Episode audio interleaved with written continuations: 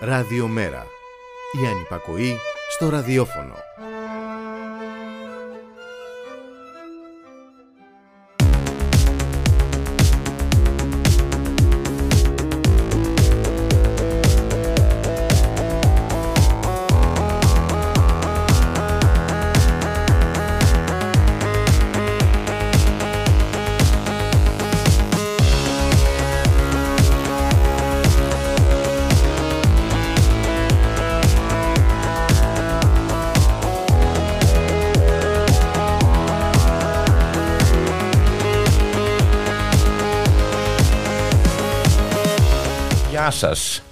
Ξεκινάει και σήμερα το Παρλαφούσι της Πέμπτης με την Πάολα Ρεβενιώτη, στην αρχισυνταξία ο Τάκης Κουρκουρίκης και στον ήχο συμπαθέστατος Γιώργος Νομικός.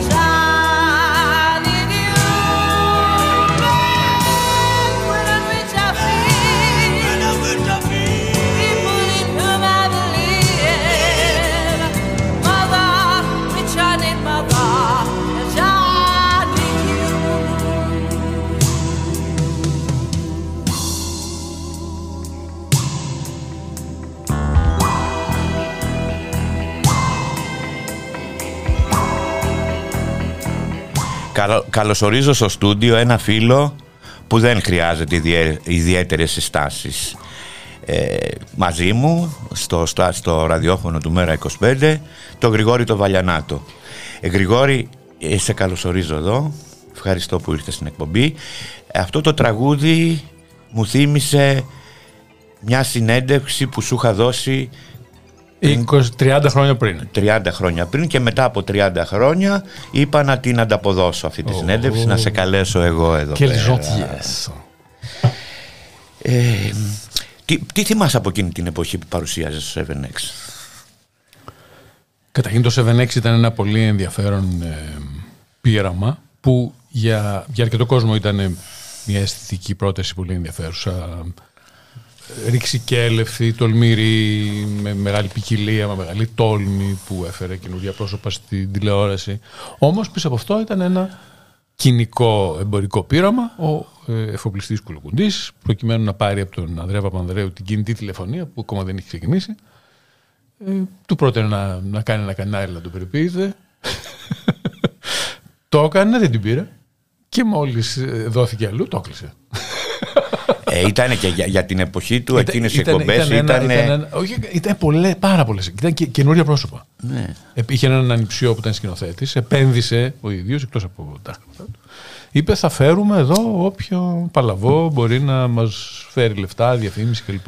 Και πάντα υπάρχουν τέτοιοι. Τι θυμάσαι. Την εποχή ήταν πολύ πιο στημένα τα πράγματα. Δεν ήταν έτσι τα ραδιόφωνα και τηλεόρασης. Οπότε και, και πολλοί κόσμος, έτσι, και καινούργοι. Με τη Μαλβίνα νομίζω ναι. βγήκαμε προς τα έξω τότε. Αλλά το 92 ξεκίνησε ο Θηρός της Νύχτας. Η, η πλάκα με, το, με αυτή την εκπομπή ήταν ότι εγώ έβγαινα στην τηλεόραση για, για, για λόγο ακόμα κλπ. Αλλά ε, οι αδερφές Παξινού, που είναι θεατρικές συγγραφείς και παραγωγοί, ζει μία ακόμη, φίλη μου, η Ελένη, ήρθα μια μέρα και μου λέει: Θέλω να κάνω, να κάνω εκπομπή. Τόμπολα, εγώ. Προφανώς τόμπολα αστρική. Και μου κάνει εντύπωση, ε, σε έχουμε δει κλπ. Ε, πάμε στο στούντιο, λέει, θα, θα πηγαίνουμε στο στούντιο της Φίνο Films, στα Σασπάτα, που μην φανταστείτε τους δρόμους τώρα. Δεν υπήρχε το αεροδρόμιο τίποτα. Πηγαίναμε με τα κατσίκια και πάμε εκεί. Θυμάμαι, ήταν χειμώνα του 92, χιόνια. Το στούντιο της Φίνο Films, αυτό που ξέρουμε, έτσι, το, το τεράστιο. Και ξεκίνησε ο θεωρό τη νύχτα. Που κάνει εντύπωση και είχε, είχε μάλιστα χορηγό του Playboy. το Playboy το Playboy και λέω. Ε, έχει ενδιαφέρον γιατί έχει το Playboy και του λέω. Ε, μου λέει, πώς θα είμαστε χορηγοί εμείς; Που έχουμε άλλο διαφορετικό κοινό δεν έχουμε. Λέω όχι, γιατί ε, μας ενδιαφέρουν και, οι δυο, και τους δυο οι άντρε. Πέθανε. Και ξεκινήσαμε με τον διευθυντή, πρώτη εκπομπή, διευθυντή του Playboy, με θέμα η μαλακία. Τις θυμάσαι με νοσταλγία αυτές τις εκπομπές; Ε... Είχαν αφήσει την εποχή τους. Υπήρχε ένας λόγος εντελώς διαφορετικός εκείνη την εποχή ναι, που δεν έβγαινε εμείς, δημόσια προς τα έξω. Εμείς που μιλάμε, αυτά τα γράφαμε. Ναι. Βέβαια, όταν έχεις εκπομπή και το βλέπεις και εσύ, την εκπομπή δεν μπορείς να έχεις το πολύ στενό ενδιαφέρον σου. Θα χρειαστεί να φέρεις πολλά θέματα, πολύ κόσμο, γιατί δεν βγαίνει αλλιώς. Ε, ναι. Και δεν μπορείς να έχεις και ένα θέμα και να το. Οπότε χρειάστηκε να βρούμε πάρα πολλά θέματα. Και είναι θέματα όμως που νομίζω ότι εκείνα τα χρόνια άξιζε τον κόπο και ήταν πάρα πολλά που συζητούσαν πρώτη φορά. Πες μου εσύ, μέχρι εκείνη την εποχή, δύο ώρες θεά, είχες βγει στην τηλεόραση άλλη εκπομπή. Όχι. Όχι. Μετά ξεκινήσαν όλα. Να σου πω γύρω, από πού είναι η καταγωγή σου, Βρε Γρηγόρη μου; Από τα Βαλιανάτα της Κεφαλονιάς. Και τα Βαλιανάτα είναι στην, στο βουνό μεταξύ Αγίας Εφημία και Μύρτ και Άσου, έτσι, πάνω στο βουνό εκεί. Ε, και μου κάνει εντύπωση έψανα τώρα με την Ουκρανία, γιατί έχει, έχει σημασία. Ο κόσμος είναι μικρούλης. Ο, ο παππούς Γρηγόρης έφυγε από την Κεφαλονιά με έναν Βαλιανάτο, ο οποίος γράφει το Βαλιανάτος VAGL, για να, για να αποδίδεται το Ι, Βαλιανάτο Bros Brothers, ο οποίος ήταν εκεί, στον Don Bass, στη Μαριούπολη, στην Οδυσσό. Ήταν μεγάλη, μεγάλη βιομηχανική περιοχή που είχαν σιτηρά. Ο πατέρας μου σιτηρά. Και είχε αυτός αυτές οι εταιρείες με τα σιτηρά και τα αυτά, μόνο κεφαλονίτες προσλάβανε. Όχι μόνο Έλληνες, μόνο κεφαλονίτες. Οπότε μετακόμισαν τα χωριά της κεφαλονιάς εκεί. Και πέθανε το 17 με την Επανάσταση, τον βάλαν φυλακή ως μεγάλο τσιφλικά. Πήραμε ένα κασελάκι πριν από μερικά χρόνια. Καταστράφηκε η επιχείρηση, τους βάλανε σε ένα, τη γιαγιά σε μια βάρκα με τα πέντε παιδιά και δύο βαλίτσες 100 ρούβλα με την μεγάλη Κατερίνη πάνω, το οποίο την άλλη μέρα ήταν άκυρα. Ε, να σου πω, ε, τα παιδικά σου χρόνια που τα πέρασε εδώ στην Αθήνα. Εδώ. Εδώ. Στην Πλάκα πιο πολύ, ήταν και η γιαγιά μου εκεί και το σπίτι μας. Λυσίωρο, το Κρήτου, απέναντι από το Τάμις, εκεί γύρω-γύρω. Και με. Ο, ναι, στην Πλάκα. Μετά όταν έφυγε. Ποια, στο ψυχικό; Ποια ηλικία είχες ε, συνειδητοποιήσει ότι τη αρέσουν τα αγόρια, 11-12. Έτσι ήξερα λίγο παραπάνω γιατί τότε. Τώρα, μιλάμε ένα, όχι μόνο ένα αιώνα, αιώνα και τρεις ε, στροφές. Δεν υπήρχε. Με τι να ταυτιστείς; Δηλαδή, ε, το πρότυπο έλεγες, ωραία, είμαι αυτό και οι άλλοι ποιοι. Μιλάμε τώρα έτσι, μιλάμε τώρα, εγώ γεννήθηκα το 56, φαντάσου αυτό είναι το 66-67. Το 66-67 ήταν χούντα. Δηλαδή, εγώ θυμάμαι την, ε, τα κοσμικά, ας πούμε, ως πιτσιρίκι και πριν τη Χούντα που ήταν αλλιώς. Στη Χούντα ήρθαν αυτοί που ήταν καράβλαχοι όλοι, ακούγαν άλλη μουσική, πήγαιναν σε άλλα μαγαζιά, Ε, θέλανε άλλους τραγουδιστές από αυτούς τους τραγουδιστές, μερικούς που ήταν περίπου στα κιλά τους. Έγινε, έγινε πιο folklore, έγινε τα δημοτικά τραγούδια, τα εμβατήρια, κάτι πίπες. Θυμάμαι την, την αντιβασιλιά στην Τρόπολη με, με τις κυρίες με κρινολίνα. Αυτές οι κυρίες στο χωριό τους είχαν συνήθως με τη ρόμπα κυκλοφορούσαν. Αλλά ήταν κάτι τέτοιο. Ήταν, ήταν μια τεράστια αλλαγή, τεράστια αλλαγή. Και το μόνο που μπορούσα να δω, θυμάμαι τώρα, τα λέω και γελάμε, έβλεπα, έβλεπα τα κόμικ στις, ε, εφημερίδες και έβλεπα τον Ταρζάν, ας πούμε. Και, και, κόλλαγα στον Ταρζάν αντί, αντί για την κόμενα. Έτσι. Και μετά σιγά σιγά άρχισα να λέω. Είχα κάνει δύο πριγκίψεις και δύο κυρίες ε, της τηλεόρασης που έλεγα Α, και εγώ όταν μεγαλώσω, έτσι τι ωραία. Πριν Καρολίνα του Μονακό, ξέρω και μετά άρχισαμε να πηγαίνουμε να, να, να, για να δω, μια να δω εκείνο, για να δω. Έβλεπα, άρχισα με, με, με αθλητισμό. Από, γιατί αυτό βλέπαμε έτσι. Και μπήκα και εγώ στην ενόργανη γυμναστική για να είμαι ωραίος και διαθέσιμος. Ε, ήσουν και κούκλος. Να λέμε και ναι, την λέω πριν, πολύ μικρός. Να σου πω, έχει ζήσει, έχεις σπουδάσει σε πολύ μεγάλες πρωτεύουσες, σε, σε μεγάλες πρωτεύουσες του εξωτερικού. Η Νέα Υόρκη. Ε, Βοστόνη, Παρίσι, Λονδίνο. Για πες μου, Πώς ήταν τότε; Ναι, για πες μου, για πες μου την περιπέτειά σου. Διάλεξε την πόλη και να σου πω. Πες Κάτι να το πούμε διαφορετικά. Η πρώτη πόλη, η πρώτη, η πρώτη πόλη εξωτερικού που πήγα ε, το 70 ήταν το Βουκουρέστι. Σοκ. Μια πανέμορφη πόλη. Πανέμορφη πόλη. Τσαουσέσκου, μιλάμε τώρα ιστορίες, όχι αστεία, όχι παραμύθια. Έτσι, ένας, ένας τρόμος. Έτσι. Νομίζω ότι έμπαινες μέσα σε μια φυλακή, ανοιχτή, όπου ήταν όλοι κοιτάζονταν στη γωνία με το μάτι, ποιος με βλέπει, τι με βλέπει, αλλά από εδώ να σου πω, πάμε από εδώ, μας δεν βλέπουν, είμαστε αυτός. Βέβαια, κάνω μια περιοδία καταπληκτική, γνώριζα τον Γιώργη Ζαμφίρ, το εδώ τα φλουτ και έτσι είχα τρελαθεί εγώ. Επίσης, είχα και την άλλη αίσθηση ότι ήταν και οι γονείς μου σε αυτή τη χώρα παλιά. Φαντάζομαι το σπίτι δική μου μιλούσαν ρουμάνικα. Φίλουσαν τα χέρια στις θείες και στους παππούδε, τέτοια. Πιάνα και αυτά. Ε, είναι ευγενικός λαός οι Ρουμάνοι. Πάρα πολύ. Και, και, και μιλάνε και αρκετά γαλλικά, έτσι μπορούσα και εγώ. Ε, ο γιος μου Ρουμάνος. Πολύ είναι. όμορφη, πολύ όμορφη. Πολύ όμορφη. Θα ήθελα να πάω. Ε, θα τώρα, να... Πάμε, λέμε τώρα όμως, ε, μετά από αυτό, αφού. Γιατί έπρεπε να τελειώσουμε το στρατό. Έτσι, 26 μήνες έκανα το ρημάδι. Για πες μου για το στρατό. Πριν από τις πρωτεύουσες. ναι. εντάξει, πες για τις πρωτεύουσες. πάμε, πάμε, πάμε, πάμε στο αφού μου έφτιαξε έτσι. Με σένα τι να σε πρωτορωτήσω πριν αρχίσεις την πολιτική; Είναι τόσα χρόνια που. Και το αποφεύγω. Μας απειλήσε, δεν έχουμε τίποτα εκτός από πολιτική. Πάω, εμείς είμαστε το Μάη 68. Όλα είναι. Εντάξει, έχεις δίκιο σε αυτό. Λοιπόν, ο στρατός.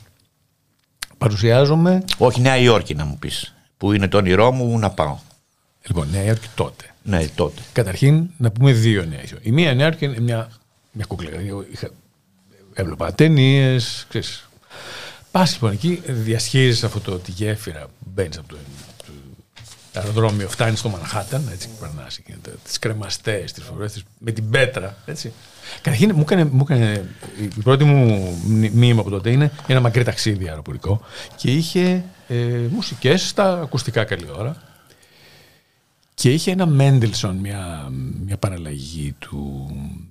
Ένα καταπληκτικό κομμάτι το οποίο θυμάμαι ακόμα. Και θυμάμαι ότι φτάνοντας στη Νέα Υόρκη, έβλεπες να στραφταλίζουν οι πισίνες και τα τζάμια. Ήταν ας πούμε, απόγευμα. Και έβλεπε καθημερινά έτσι να είναι. Πώς είναι η ντίσκο στο, η ντισκομπάλα, ας πούμε, στη ντίσκο. Βλέπεις. Τάκ, τάκ, τάκ, τάκ, τάκ, να φωτίζονται όλα και να σβήνουν. Είναι μαγικά. Καλά, ήταν πιτσιρίκι τώρα φορτωμένο. Όνειρο θα ήταν. Λοιπόν, Νέα Υόρκη τότε είχε. Καταλαβαίνετε ότι εγώ στρατευμένος έτσι πάω.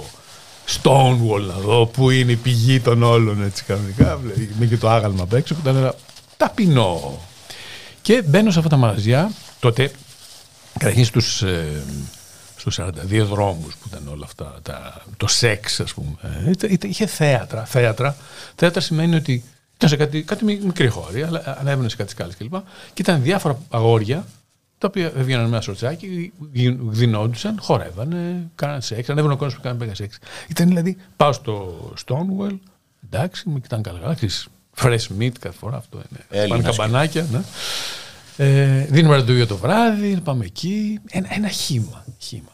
Παράλληλα όμως, και αυτό είναι το τρομακτικό, έτσι μπαίνω στα βαθιά στην ιστορία του AIDS.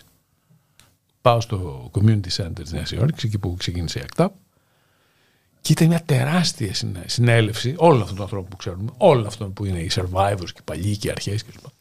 Και μου έκανε εντύπωση. Μου έκανε, ένα, ένα πράγμα που δεν είχα δει ποτέ είναι ένα μεγάλο αμφιθέατρο, σηκώναν τα χέρια. Όταν πρόκειται να χειροκροτήσουν, δεν χειροκροτάγανε. Χειροκροτάνε έτσι. Τα δαχτυλάκια. Φαντάζομαι μια. Τρελάθηκα εγώ λέω. Είναι... Κάτι έχουν πάρει. Τέλος πάντων, ήταν, ήταν φοβερά αυτά που λεγόντουσαν, ήταν φοβερά αυτά που συνέβαιναν.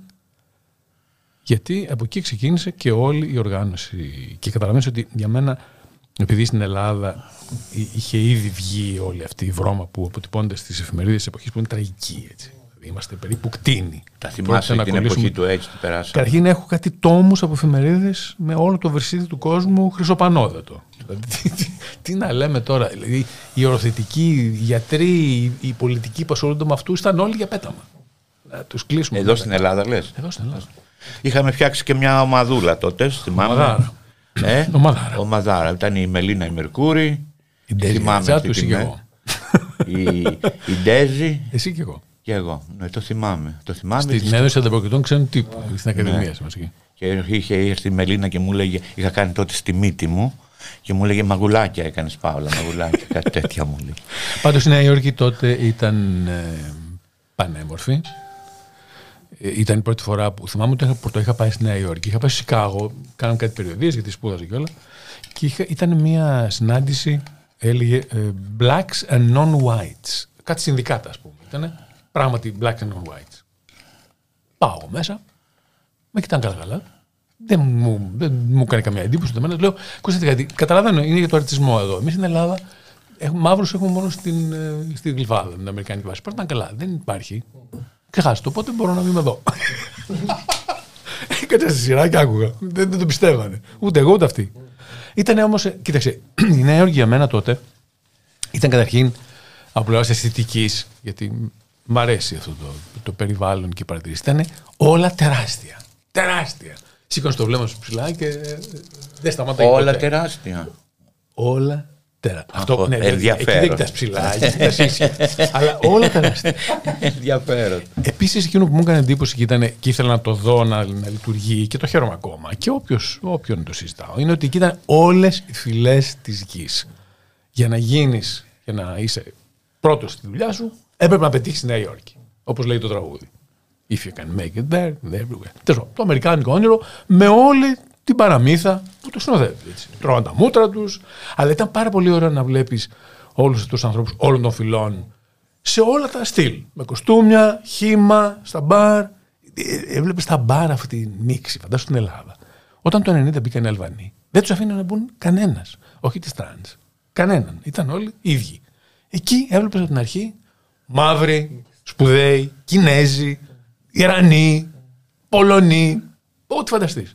Και αυτό ήταν πολύ ωραίο. Και βέβαια Λατινοαμερικάνοι, έτσι. Μια Ολόκληρη. Κούκλη αυτή. Να ακούσουμε ένα τραγουδάκι. Ναι, πολλά.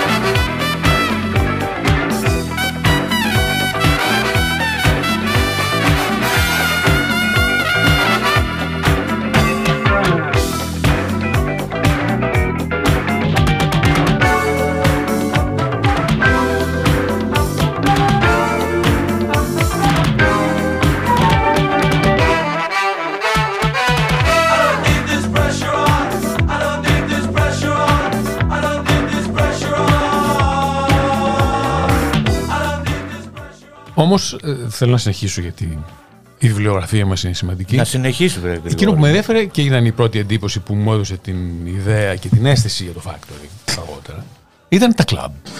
Τα κλαμπ ήταν ένας κόσμος από μόνα τους. Καταρχήν ήταν αχανείς χώροι. Αχανείς. Έβλεπες μέσα 5-6 χιλιάδες ανθρώπους. Δηλαδή ήταν ένα πράγμα το οποίο φαντάζομαι μόνο στην κόλαση θα το δω και θα χαρώ. Στο οποίο παίζανε ο Junior Βάσκες τώρα παίζανε θεϊκές μουσικές. Όλοι που ήρθαν στην Ελλάδα αργότερα που τους φέραμε. Ήταν όλος ο κόσμος που μπορεί να φανταστείς. Με ό,τι φανταστείς να φοράνε και να μην φοράνε. Με σοου, με. με, με. Ήτανε, έβλεπες ένα κόσμο ο οποίος περνούσε καταπληκτικά. Ο οποίος με τη μία και την άλλη και την άλλη και την άλλη φορά γνωριζότανε.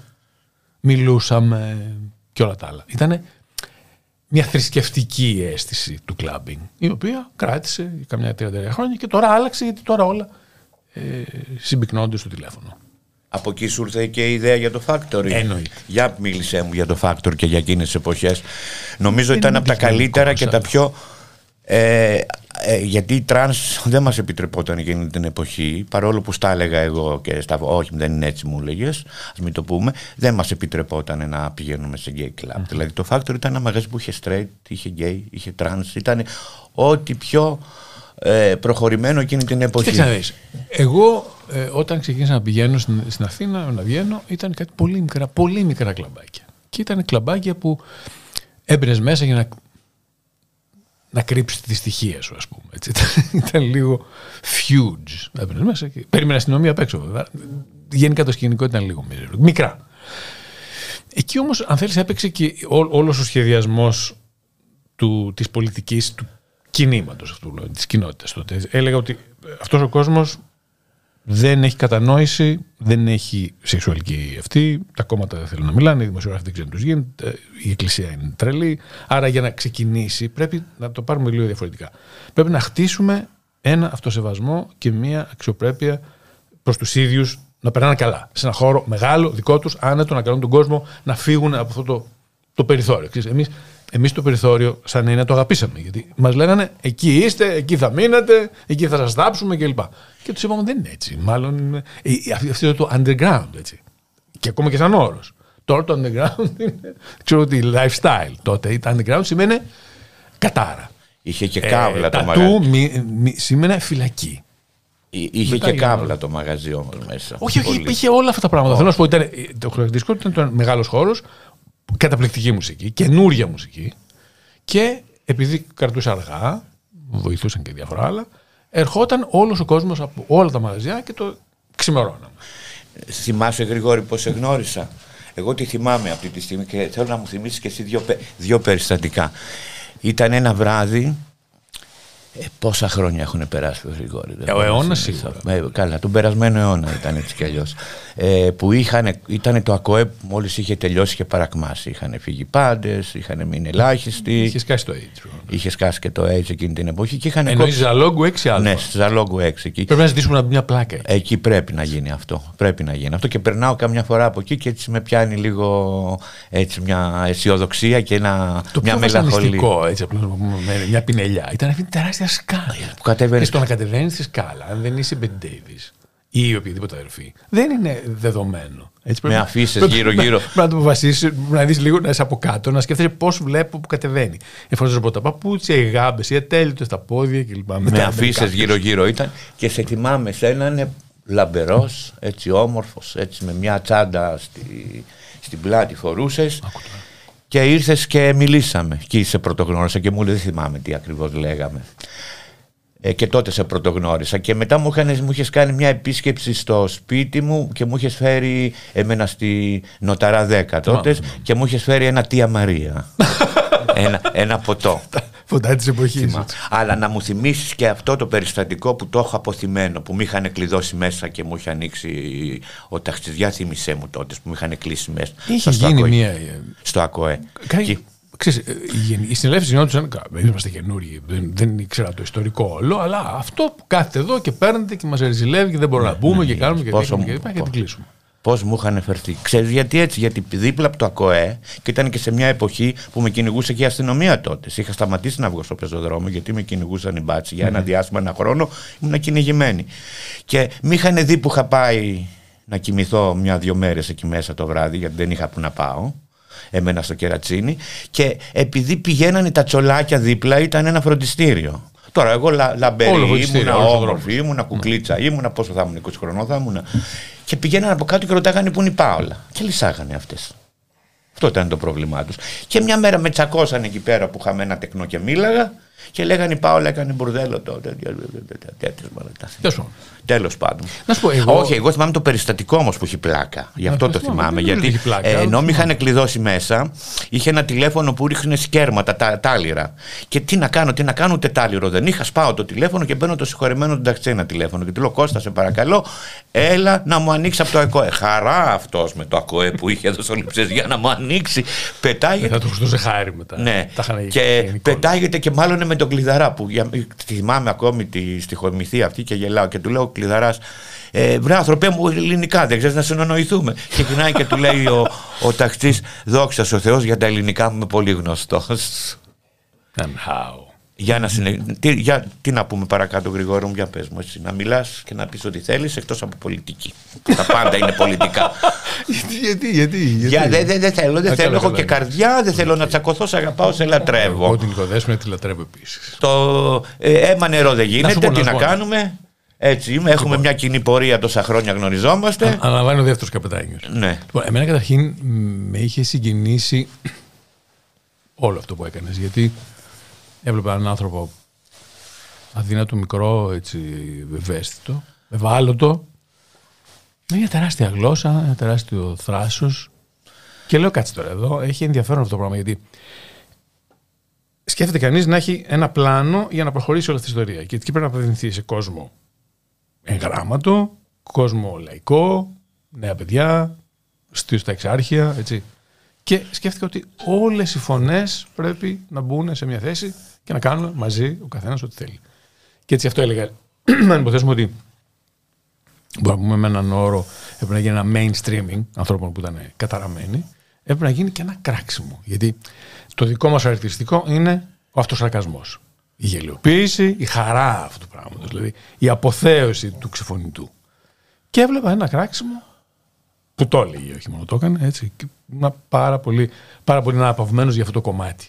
Και προσπαθούσα να εξυπηρετήσω το άλλο, ώστε σε σύνθεση να γίνονται αυτά τα πράγματα. Ε, επίσης, όλη αυτή η ιστορία ήταν πολύ συνδεδεμένη με, το, με την πορνεία τότε, με, με το πεζοδρόμιο. Δηλαδή, τα, τα, μο- τα μόνα θέματα που απασχολούσαν την κοινή γνώμη για μας ήταν κάτι φόνοι, υποτίθεται κάτι τσόλια που σκοτώνανε κάτι πλούσιους, που στην πραγματικότητα και εδώ καμιά φορά νομίζω ότι αξίζει να το λέμε. Υπάρχει, υπάρχει όλη αυτή η εκμετάλλευση, όλη η ιστορία λίγναδική. Υπάρχει όμως και μια άλλη κατηγορία. Για το Λιγνάδι θα μου πεις αδίστακτων το μετά τη πιτσιρικιών. γνώμη έχεις για την υπόθεση Λιγνάδι. Πολύ μετά. Ναι. Λοιπόν, υπάρχει μια, μια, μια, μια κατηγορία αδίστακτων πιτσιρικιών, τα οποία εκμεταλλεύονται, βασανίζουν, χτυπάνε ε, και τρομοκρατούν μεγάλους ανθρώπους. Αυτό το έχω ζήσει και νευριάζω καμιά φορά όταν βλέπουν και λένε για την Ομόνια, λένε για τη Βικτόρια ότι πάνε οι μεγάλοι κύριοι και εκμεταλλεύονται ή μετανάστες ή τα ελληνάκια τα μικρά. Δεν ξέρουν τη σκληρή πραγματικότητα, το ότι αυτός ο άνθρωπος είναι ένας πονεμένος άνθρωπος. Όχι εκτός αυτού. Περισσότερο Ναι, από είναι σεξ θέλει και, να, αυτό. πει, να πει και μια καπαρέα. και όλα αυτά τα περισσότερα τους κλέβουν, τους εκμεταλλεύονται, τους πουλάνε έρωτες. Και επίσης στο να σου τέλος- πω, θυμάσαι εσύ πολύ καλά. Ναι. Όταν ακόμα ίσχυε το 347 του ποινικού κώδικα, το οποίο είχε αυτή τη διαφορά 15-17, είχαν στήσει βιομηχανία οι μπαμπάδες με τους 16άριδε, ρίχναν τα δίχτυα στους μεγάλους και τους παίρνανε όλη την περιουσία προκειμένου να μην πάνε στα δικαστήρια. Και είχαμε, πήγαμε μάρτυρες για να τους βγάλουμε. Οι ανάποδοι από αυτό που φαίνεται. Έτσι. Και από εκεί και πέρα ήταν πολύ δύσκολα. Ήταν πολύ δύσκολα γιατί ο κόσμος δεν είχε, δεν πίστευε ότι κάτι θα γίνει. Ε, προσπαθούσε να κάνουν μικρές παρέες και να περνάνε ωραία. Σε ένα άλλο κόσμο. Με μπάφους, με διάφορα. Σε ένα άλλο κόσμο. Δηλαδή, έβλεπες ότι υπήρχε μια ανάγκη να φτιάξουν ένα κουκούλι και να κλειστώ μέσα. Αυτό μένα με ενοχλούσε πάρα πολύ. Ήθελα να σπάσουν αυτά τα κουκούλια. Όχι για αυτούς που θέλουν να είναι στην κοσμάρα τους, να είναι. Αλλά δεν είσαι υποχρεωμένος όταν θες να εκφραστείς να μπεις σε ένα γκέτο.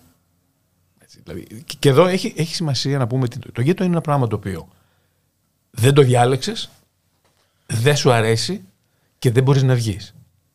Δηλαδή δεν είναι κυφισιά γκέτο. Γιατί ακούω κάτι πίπες. Το διάλεξαν, τους αρέσει και μπορούν να φύγουν. Έτσι, για να συνεννοηθούμε. Εμείς όχι. Οπότε. Και αποφάσισα αυτό που λες για το factory να έρθουμε σε αυτό. Και στην πολιτική του, αν θες διάσταση, μου σκεφτώ μια άλλη ώρα. Ήταν ένας χώρος μεγάλος, ο οποίος ήξερε όλος ο κόσμος ότι ήταν γκέι. Όλος ο κόσμος. Όλος ο κόσμος. Και πηγαίνανε σιγά σιγά στην πόρτα, μπας και μπουν και δουν. Και περνάω πάρα πολύ ωραία. Έρχονταν και μου λέγανε, «Α, να, ε». λέω, ναι. Δεν σε ενοχλείς κανένας. Δεν, επ- ε, δεν επιτρεπόταν καμία κάμερα. Μπορούσες να εξοκύλεις. Και Βρε Γρηγόρη, ε, τι διαφορά έχει εκείνη την εποχή που και οι δυο μας ζήσαμε πάρα πολύ έντονα; Ήταν και για τους δυο μας λαμπερές εποχές εκείνες. Με τη σημερινή εποχή του, του σήμερα. Πώς βλέπεις τα κουίρι παιδιά, τα κλαπ, τη διασκέδαση, το πάρσιμο, το σεξ, το φλερτ, όλα αυτά. Εγώ καμιά φορά θα μπερδεύομαι. γράψουμε τόμους. Εγώ καμιά φορά μπερδεύομαι και νιώθω λίγο νεάντερλαντ ή με λένε boomer όταν λέω καμιά. Γιατί εντάξει, θα πω και μια, καμιά βλακεία που και που. Να πούμε δυο λοιπόν. Λοιπόν, κοίτα, η, η μεγαλύτερη διαφορά που κάνει όλη την ε, αλλαγή είναι αυτό το κινητό. Εμείς για να επικοινωνήσουμε με έναν άνθρωπο υπό συνθήκες κατοχής, έτσι, έπρεπε να καταλάβουμε ότι κάτι κάνει και αυτός. Το οποίο δεν είναι απαραίτητο να γίνεται γιατί ο κόσμος φοβόταν. Μην κοιτάς τις πιάτσες. Εκεί πας γι' αυτό. Οι πιο Λέω τώρα τολμηροί γενικά. πηγαίνανε εκεί πέρα έτσι κι αλλιώς. Εδώ τώρα πριν δεν βλέπεις έναν άνθρωπο και γκουγκλάρεις, τον φωτογραφίζεις, βλέπεις και βλέπεις το βρακί του μέσα έξω, το αριθμό του παπουτσιού. Δηλαδή έχεις όλες τις πληροφορίες. Εκεί πρέπει να ψαχτούμε. Και να ψαχτούμε για αυτά τα μούτρα μας. δεν ήταν επιτυχημένα. Αλλά ήταν αυτό το, αυτό το διαρκέ. Δηλαδή η μόνη δυνατότητα που είχες να κάνεις αυτή την, ε, αυτό το ψάξιμο ήταν τα μάτια σου. Να ψάχνεις, να, να αλλάζεις γωνίες, να δεις αν σε ακολουθεί. Ένα παιχνίδι το οποίο σήμερα έχει εξαφανιστεί. Ύστερα έπρεπε να είσαι πολλές ώρες.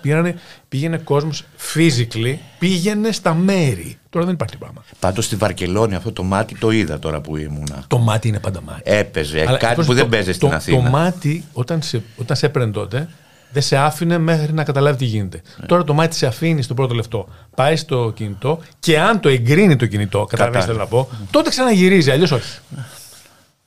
Επίσης, δεν, εμείς δεν μπορούσαμε να συμβαστούμε με αυτά που γίνεται στις οθόνες.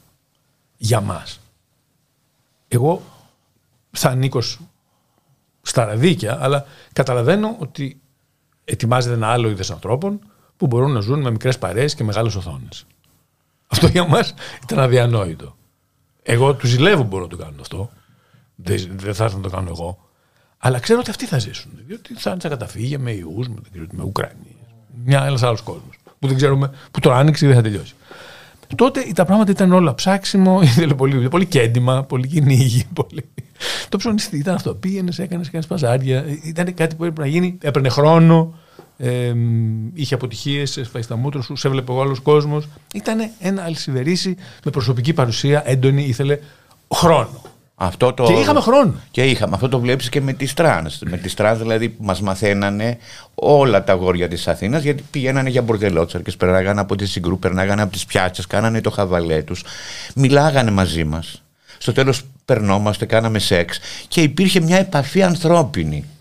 Τώρα κοίταξε αυτό. Και είναι γινόταν αδι- και φίλοι μας. Ναι, είναι πάλι ανθρώπινη, αλλά το τηλέφωνο έχει γίνει λίγο. Ξέρεις πώς σου βάζουν ένα τσιπάκι; Α, Το τηλέφωνο δεν σου το έχουν βάλει τσιπάκι, αλλά θα σου έχουν βάλει τσιπάκι.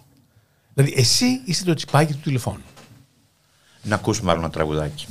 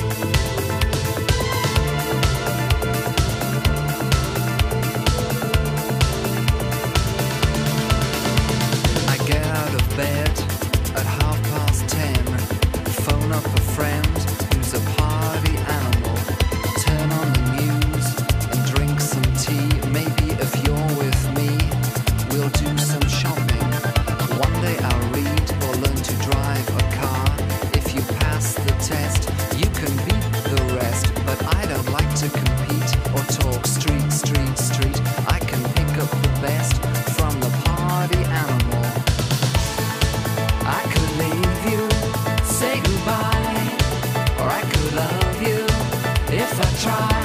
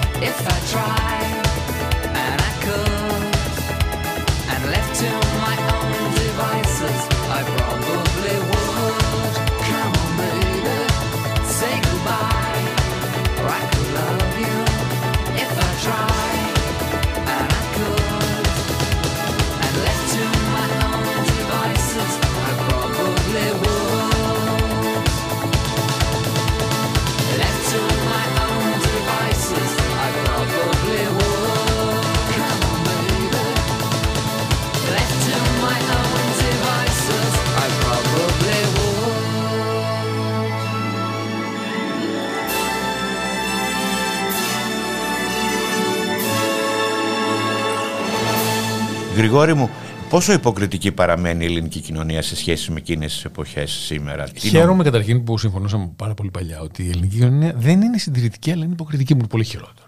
Και το λέω καμιά φορά, λέω, μπορεί να μην το λέω σωστά και με- έχουν εκνευριστεί διάφορα ΛΟΑΤΑ άτομα. Όταν τους έχω πει ε, πολλές φορές ότι ρε παιδιά, η ελληνική κοινωνία δεν είναι ομοφοβική. Σκατάνθρωποι, κακοί, κομπλεξικοί και τέτοια είναι. Μπορεί να μην το χρησιμοποιώ σωστά το ομοφοβική. Λέω, πώς μπορεί να είναι κάποιος ομοφοβικός όταν έρχεται το βράδυ και με παρακαλάει τον έχω τσακώσει; Υποκριτής και στη- το, το, το, το έγκλημα της υποκρισίας είναι ότι ο υποκριτής δεν αναγνωρίζει τον ομοφυλόφιλο μέσα του. Αυτό Και ο κίνδυνος από, το, από, τα- από τα γόρια έτσι, είναι αυτό. Ότι μπας και κρύβεται και κάποτε θέλουν να πιάσουν και εμένα τον κόλλο. Τρόμος, τρόμος, τρόμος, φόβος. Όμως νομίζω ότι αυτά αλλάζουν. Καταρχήν σήμερα τα παιδιά, ένα από τα καλά αυτού του ρημαδιού του τηλεφώνου είναι ότι ο καθένας επικοινωνεί με ό,τι θέλει και με άλλο πλανήτη. Λοιπόν, σήμερα οι αισθητικές και οι τάξεις των ανθρώπων είναι πολύ περισσότερο στην Αθήνα, στη Βιέννη, στο Παρίσι, στο Μπιλμπάο, στο Χονγκ Κονγκ, παρά στην Αθήνα και στο χωριό. Και στην Αθήνα. Είναι- Είναι πολύ μεγαλύτερη διαφορά μεταξύ της πόλης, παρά οι όλες οι πόλεις είναι ίδιες και η επαρχία ποικίλει. Να σου πω, έχεις ακούσει διάφορα. Και αυτά που έχεις ακούσει πρέπει να έχει γερό στο μάχη που εγώ καμιά φορά όταν μου, ε, μου λένε κακά νευριάζω και δεν το αντέχω. Πώς Ακόμα; αντε- Ναι, ακόμη δεν, δεν μπορώ. Ε, δεν μπορώ να αντέχω να μου λένε κακά πράγματα. με Κοίταξε πιάνει να δεις, άγχο. ε, να Πώ σου πω. αντέχει μερικέ φορέ όταν σε βρίζουν, σε κάνουν, σου λένε, σου λένε που τα διαβάζω και στο Facebook αυτέ οι επιθέσει. Καμιά φορά είναι πολύ άδικε αυτέ οι επιθέσει. Ας δώσει. Κοίταξε, ε, νομίζω ότι εάν θέλεις να τα βάλεις με τους κερατάδες, αν θες, να, αν θες να, να ασχοληθείς με το άθλημα του box, ξέρεις ότι είναι γροθιές. Δεν μπορεί να πας στο άγαλμα του του του και να πεις τι βαράτε. Έτσι, μην πας. Θα ασχολήσουν με την Ικεμπάνα, με την Λύρα, με τον Αργαλιό. Αυτά με τα εξωτά βρακιά θέλουν επιδέξιους κόλλους. Είναι σκληρά αυτά τα θέματα για ανθρώπους και συντρίβονται. Έτσι. Εγώ προσπαθώ μερικά παιδιά που τα βλέπω ότι δεν τα παίρνει. αλλά Άστο. Άστο. Θέλει, θέλει να φοράς μια πανοπλία. Και η πανοπλία αυτή, και τώρα μπαίνουμε σε εμάς, έτσι. Η πανοπλία αυτή πρέπει να μπορείς να τη βγάλεις κιόλα κάποτε. Γιατί άμα γίνει ένα με το δέρμα σου, μετά γίνει σε σάβρα. Να ακούσουμε άλλο ένα τραγουδάκι.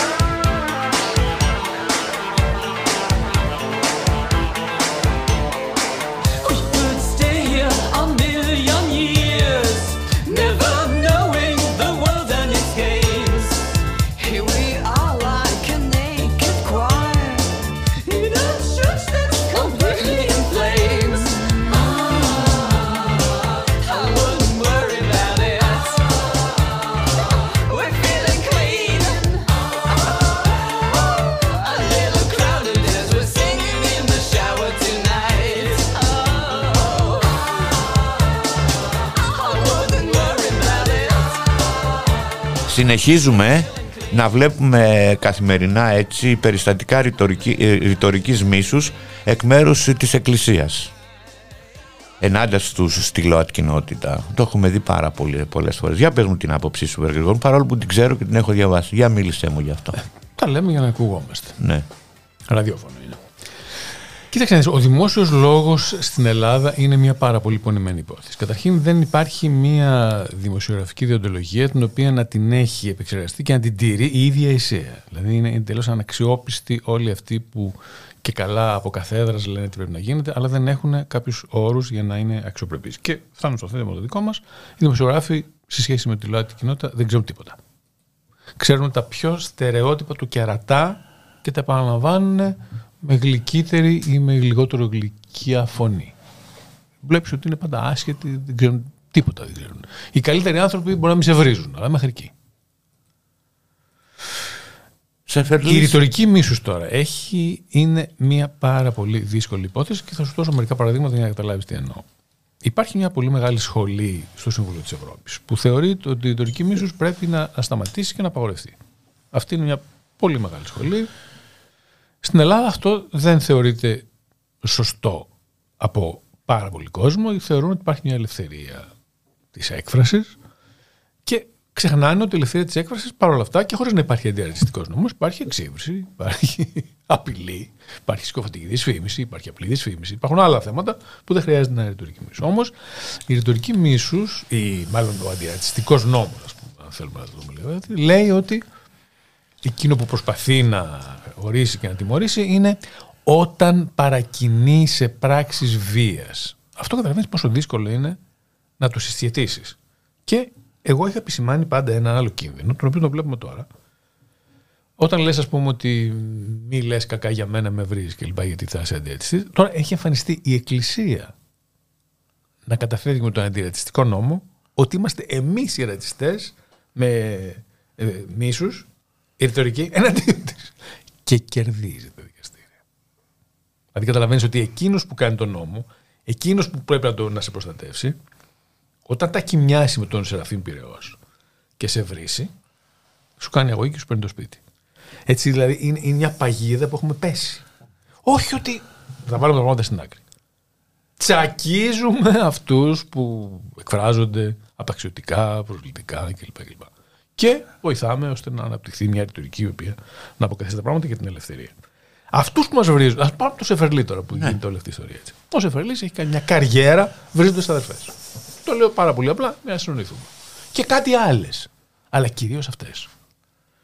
Τι να κάνεις, να, να τον κάνεις αστέρι. Εμένα που λένε, μου λένε, να- θέλει να βγείτε να πείτε και αυτά και το, το τρέιλερ πώς είναι. Λέω, ακούστε να δείτε.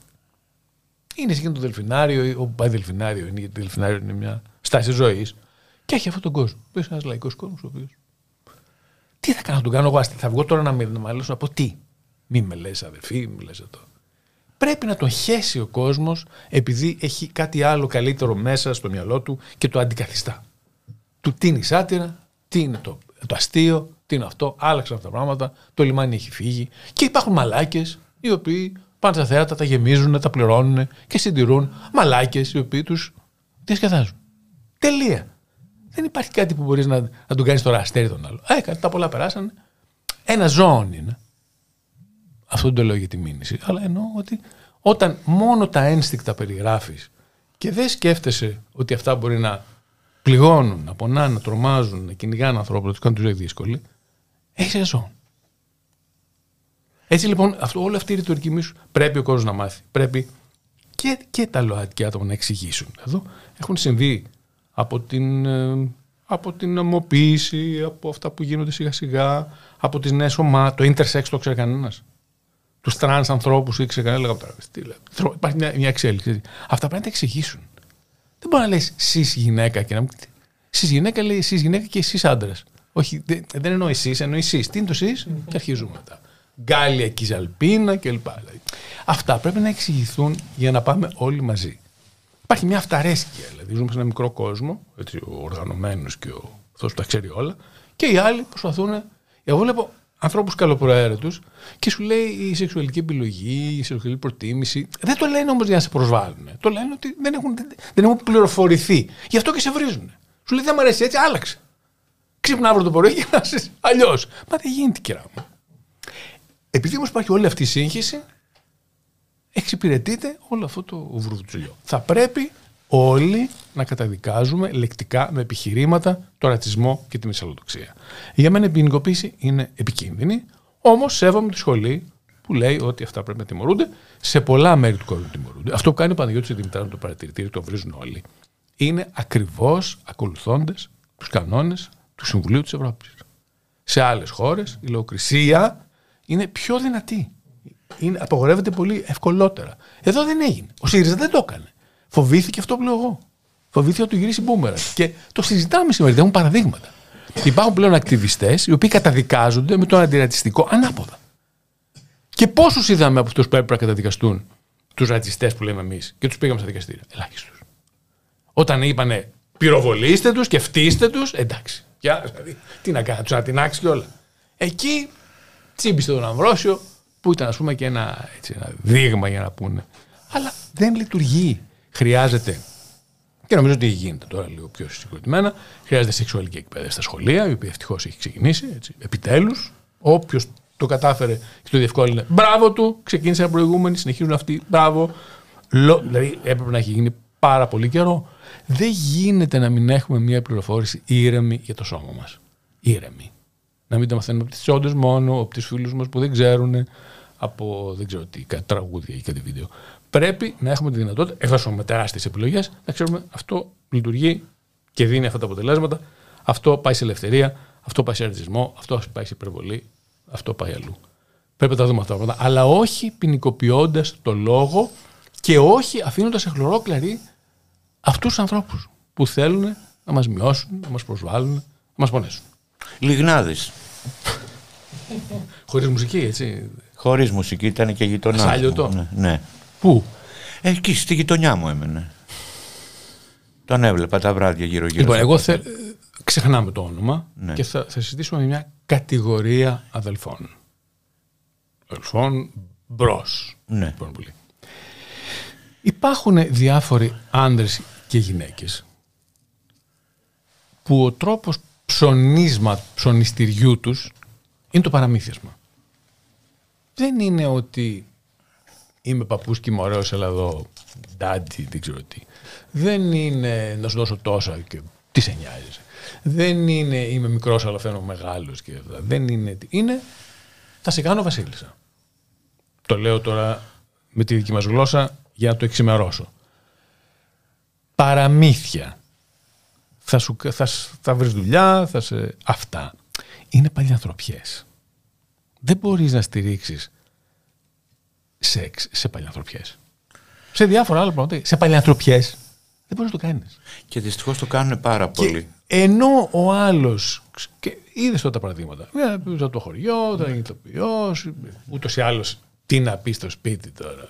Και τόσο σε βρήκα τον διευθυντή και αρχίζει και αυτά και τα άλλα. Λοιπόν, αυτά είναι ανεπίτρεπτα πράγματα για τους ανθρώπους που έρωτας είναι κάτι οικείο έτσι, και το οποίο πρέπει να δοκιμάζει και με τη συμφωνία. Συνένεση ερητή και κατηγορηματική. Δεν είπα να είμαι πανώ, συνενώ. Αλλά να καταλάβεις. Θέλω να σου πω το εξής. Να το πάρουμε, να το ξεφτυλίσουμε εγωιστικά. Υπάρχει άνθρωπος ο οποίος πήγε μαζί σου ή μαζί μου και είπε μετά με εξαπάτηση και πήγα. Δεν υπάρχει. Δεν υπάρχει.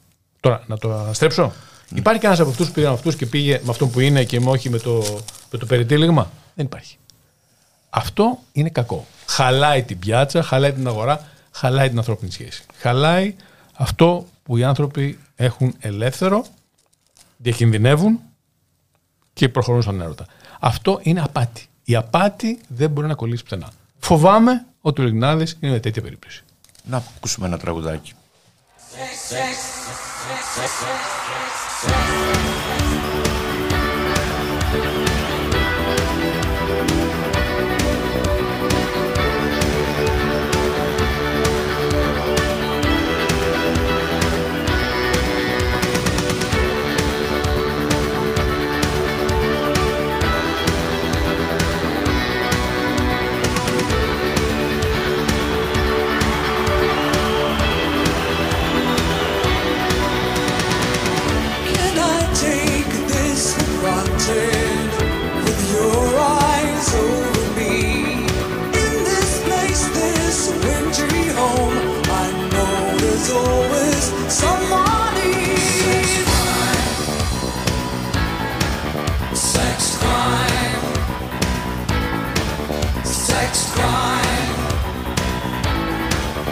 sex crime.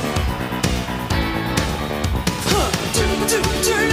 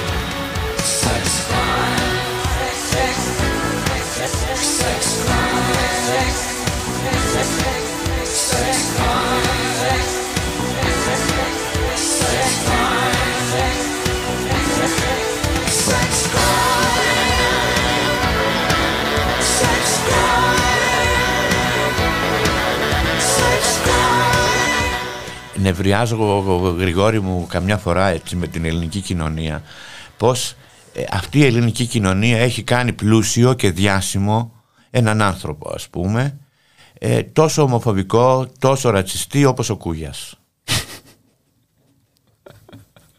και με πιάνει το παράπονο. Λέω, μα πώς είναι δυνατόν να έχει αυτός εκατομμύρια, να έχει λεφτά, να έχει ξέρω εγώ του κόσμου τα αυτοκίνητα, να το παίζει στάρ ε, παντού. Και λέω κι εγώ πο- πο- πο- πόσο άδικη είναι αυτή η κοινωνία. Εσύ έχεις φάει και σφαλιάρα από τον Κούγια. Να σου δώσω γροθιές, να σου δώσω μερικές, εξ- μερικές εξηγήσεις. Για δώσε μου, Έχουμε- γιατί έχουμε είμαι ανταλλάξει λίγο- επιστολές και έχουν αποσυρθεί οι δικαστικές. Λίγο χαζή πάνω σε αυτά τα θέματα. Εγώ. ή, ή τουλάχιστον την κάνω τη χαζή για να βγει Τέλος εκπομπή. πάντων, ναι. Κοίταξε να δεις κάτι. Δεν θα επανέλθω σε αυτά που δεν έχω μάρτυρες για να συνεχίσω τις δίκες. Δυστυχώς πέθαναν αυτοί που είχα και έτσι αυτά που είχα ε, ε, υποστηρίξει τότε δημόσια. Δεν μπορώ να τα στήριξω, δυστυχώς. Όμως ο Κούγιας είναι ένας άνθρωπος ο οποίος έχει επιλέξει, καταρχήν είναι ποινικολόγος, έχει επιλέξει να έχει πελάτες που έχουν λεφτά. Δικαίωμά του. Που έχουν εγκλήματα που μπλέκονται μεγάλα ποσά και που δίνουν μεγάλες αμοιβές. Επίσης, αυτές τις ε, υποθέσεις που βλέπουμε στα κανάλια συνήθως, τις κάνει τζάμπα. Τις κάνει για διαφήμιση. Και καλά κάνει. Επίσης, επειδή είναι και η δουλειά μου η επικοινωνία έτσι, κάνει τον Ταΐ, τον Ταβέλη κτλ. Διότι έτσι προσελκύει αυτούς τους ανθρώπους. Δεν θα πάνε με έναν ευγενικό άνθρωπο, ο οποίος με τα σας και με τα εσείς. Θα πάνε με έναν άνθρωπο ο οποίος ε, λέει αυτά που λέει ο Κούγιας για να μπορέσει να τα βρούνε και να γίνει δίκαια άγρια και να βγουν πολλά λεφτά. Δηλαδή είναι ένα, είναι ένα marketing αυτό. Εντάξει, και το- εμείς πέφτουμε στην παγίδα. Και μας διηλίζει ενώ κάτι, κάτι, κάτι πιτσίρια και κάτι αυτά που καταλαβαίνει μπαίνουν στην κράτομηχανή. Γιατί δεν τους έχει πει κάποιος πώς να τους συμπεριφέρονται. Εγώ είπα στη τελε- τελευταία και βγήκα και είπα ότι να πάρουμε μια άλλη διάσταση η οποία είναι ακριβώς νομική. Γιατί εκεί, εκεί νομίζω ότι το θίγει. Εγώ συζητήσαμε περίπου τι θεωρώ την ιστορία Λιγνάδη. Όμως εσύ είσαι δικηγόρος του έτσι. Όταν εσύ θέλεις να πεις ότι όλοι αυτοί οι μάρτυρες ήταν παιδιά τα οποία κάνουν σεξ και κάναμε σεξ, πρέπει να είσαι συνεπής με, αυτό, με αυτή τη γραμμή. Όταν βγαίνεις και λες, γιατί το δικαστήριο θα κρίνει αν αυτά ήταν προϊόν βίας, έτσι, αν έγινε βιασμός ή αν ήταν σεξ μεταξύ ανθρώπων. Όταν βρίζεις, προσβάλλεις, απειλείς, τρομοκρατείς, εξοργίζεις και τους πονάς, τους πατάς κάτω τους μάρτυρες, εκθέτεις τον πελάτη σου. Του δίνεις μια εικόνα ανθρώπου, μάλλον προς το βιασμό. Δεν μπορείς να, να περιφρονείς, να βρίζεις, να ουρλιάζεις, να κατηγορείς, να απειλείς τον άνθρωπο που θα πάει να κάνει σεξ. Και πώς τα κάνει όλα αυτά τα πράγματα και δεν υπάρχει ένας δικαστής να του τραβήξει το αυτή, να του πει για σταμάτα. Τι είναι αυτά που λες. Είναι ρατσιστικά στο, αυτά στο που λες. δικαστήριο. Δεν τα, Δεν τα λες. ξέρω. Ναι. Οι δηλώσεις που κάνεις στις τηλεοράσεις είναι στις τηλεοράσεις και είναι συνήθως κάτι μικροί ρεπόρτερς που φοβούνται πάρα πολύ και πάει στις εκπομπές και, και είναι αγενέστατος και τους τους ψαρώνει εκεί. Δεν βγαίνει όμως ουσία. Δηλαδή δεν, δεν γίνεται κάτι, δεν πάθαινε τίποτα. Απλώς χρειάζεται μια προσοχή και μια συγκεκριμένα συγκεκριμένος τρόπος για να το αντιμετωπίσεις. Γίνεται η δίκη του Ζάκου Κωστόπουλου. Για πες μου. Εσύ που την Από πού να παρακολουθείς στενά. αρχίσει και να από πού να τελειώνει κανείς. Καταρχήν, εγώ έχω συγκινηθεί για το γεγονός ότι η μισή Ελλάδα ήταν φίλη του και τον αγαπάει.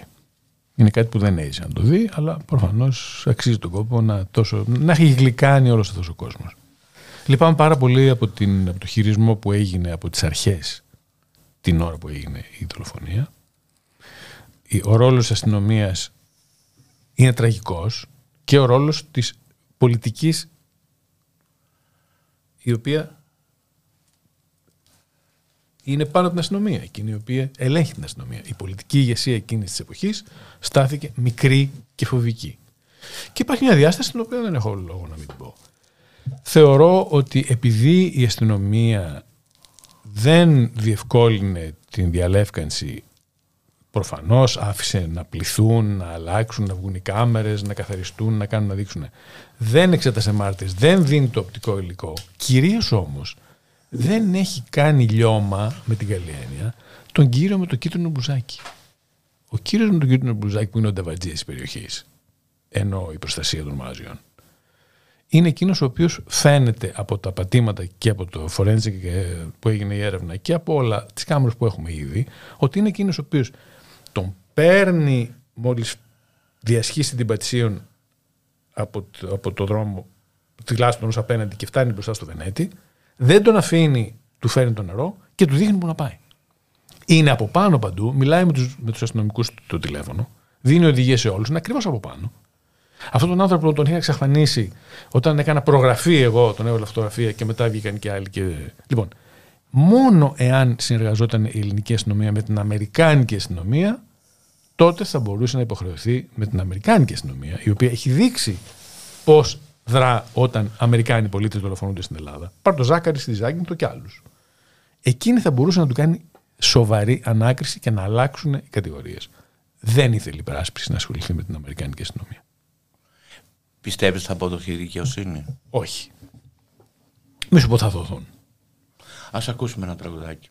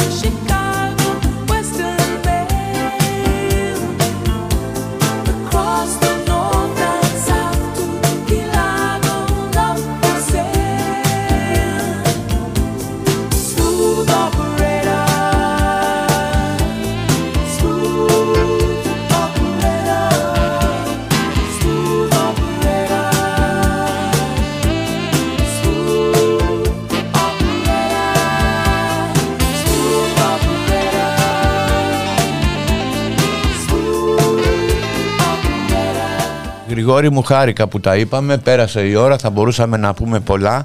Έτσι να σου κάνω και μια τελευταία ερώτηση. Έπαιξε καθοριστικό ρόλο στη ζωή σου έρωτας, είσαι ακόμα ερωτευμένος; Πολύ. Νομίζω ότι είναι μια κινητήρια δύναμη που δεν σου τυχαίνει πολύ συχνά, αλλά εάν σου τύχει, αλλάζει κατηγορία. Σε ευχαριστώ πάρα πολύ που Εγώ. ήρθες. Και πρέπει να πούμε στον κόσμο ότι εμείς κάνουμε εκπομπές μέρα παραμέρα. Μεταξύ μας. Να είσαι καλά. Καλό σας βράδυ, ελπίζω να περάσετε καλά με τη συζήτησή μας. Σε ευχαριστώ για αυτή που είσαι.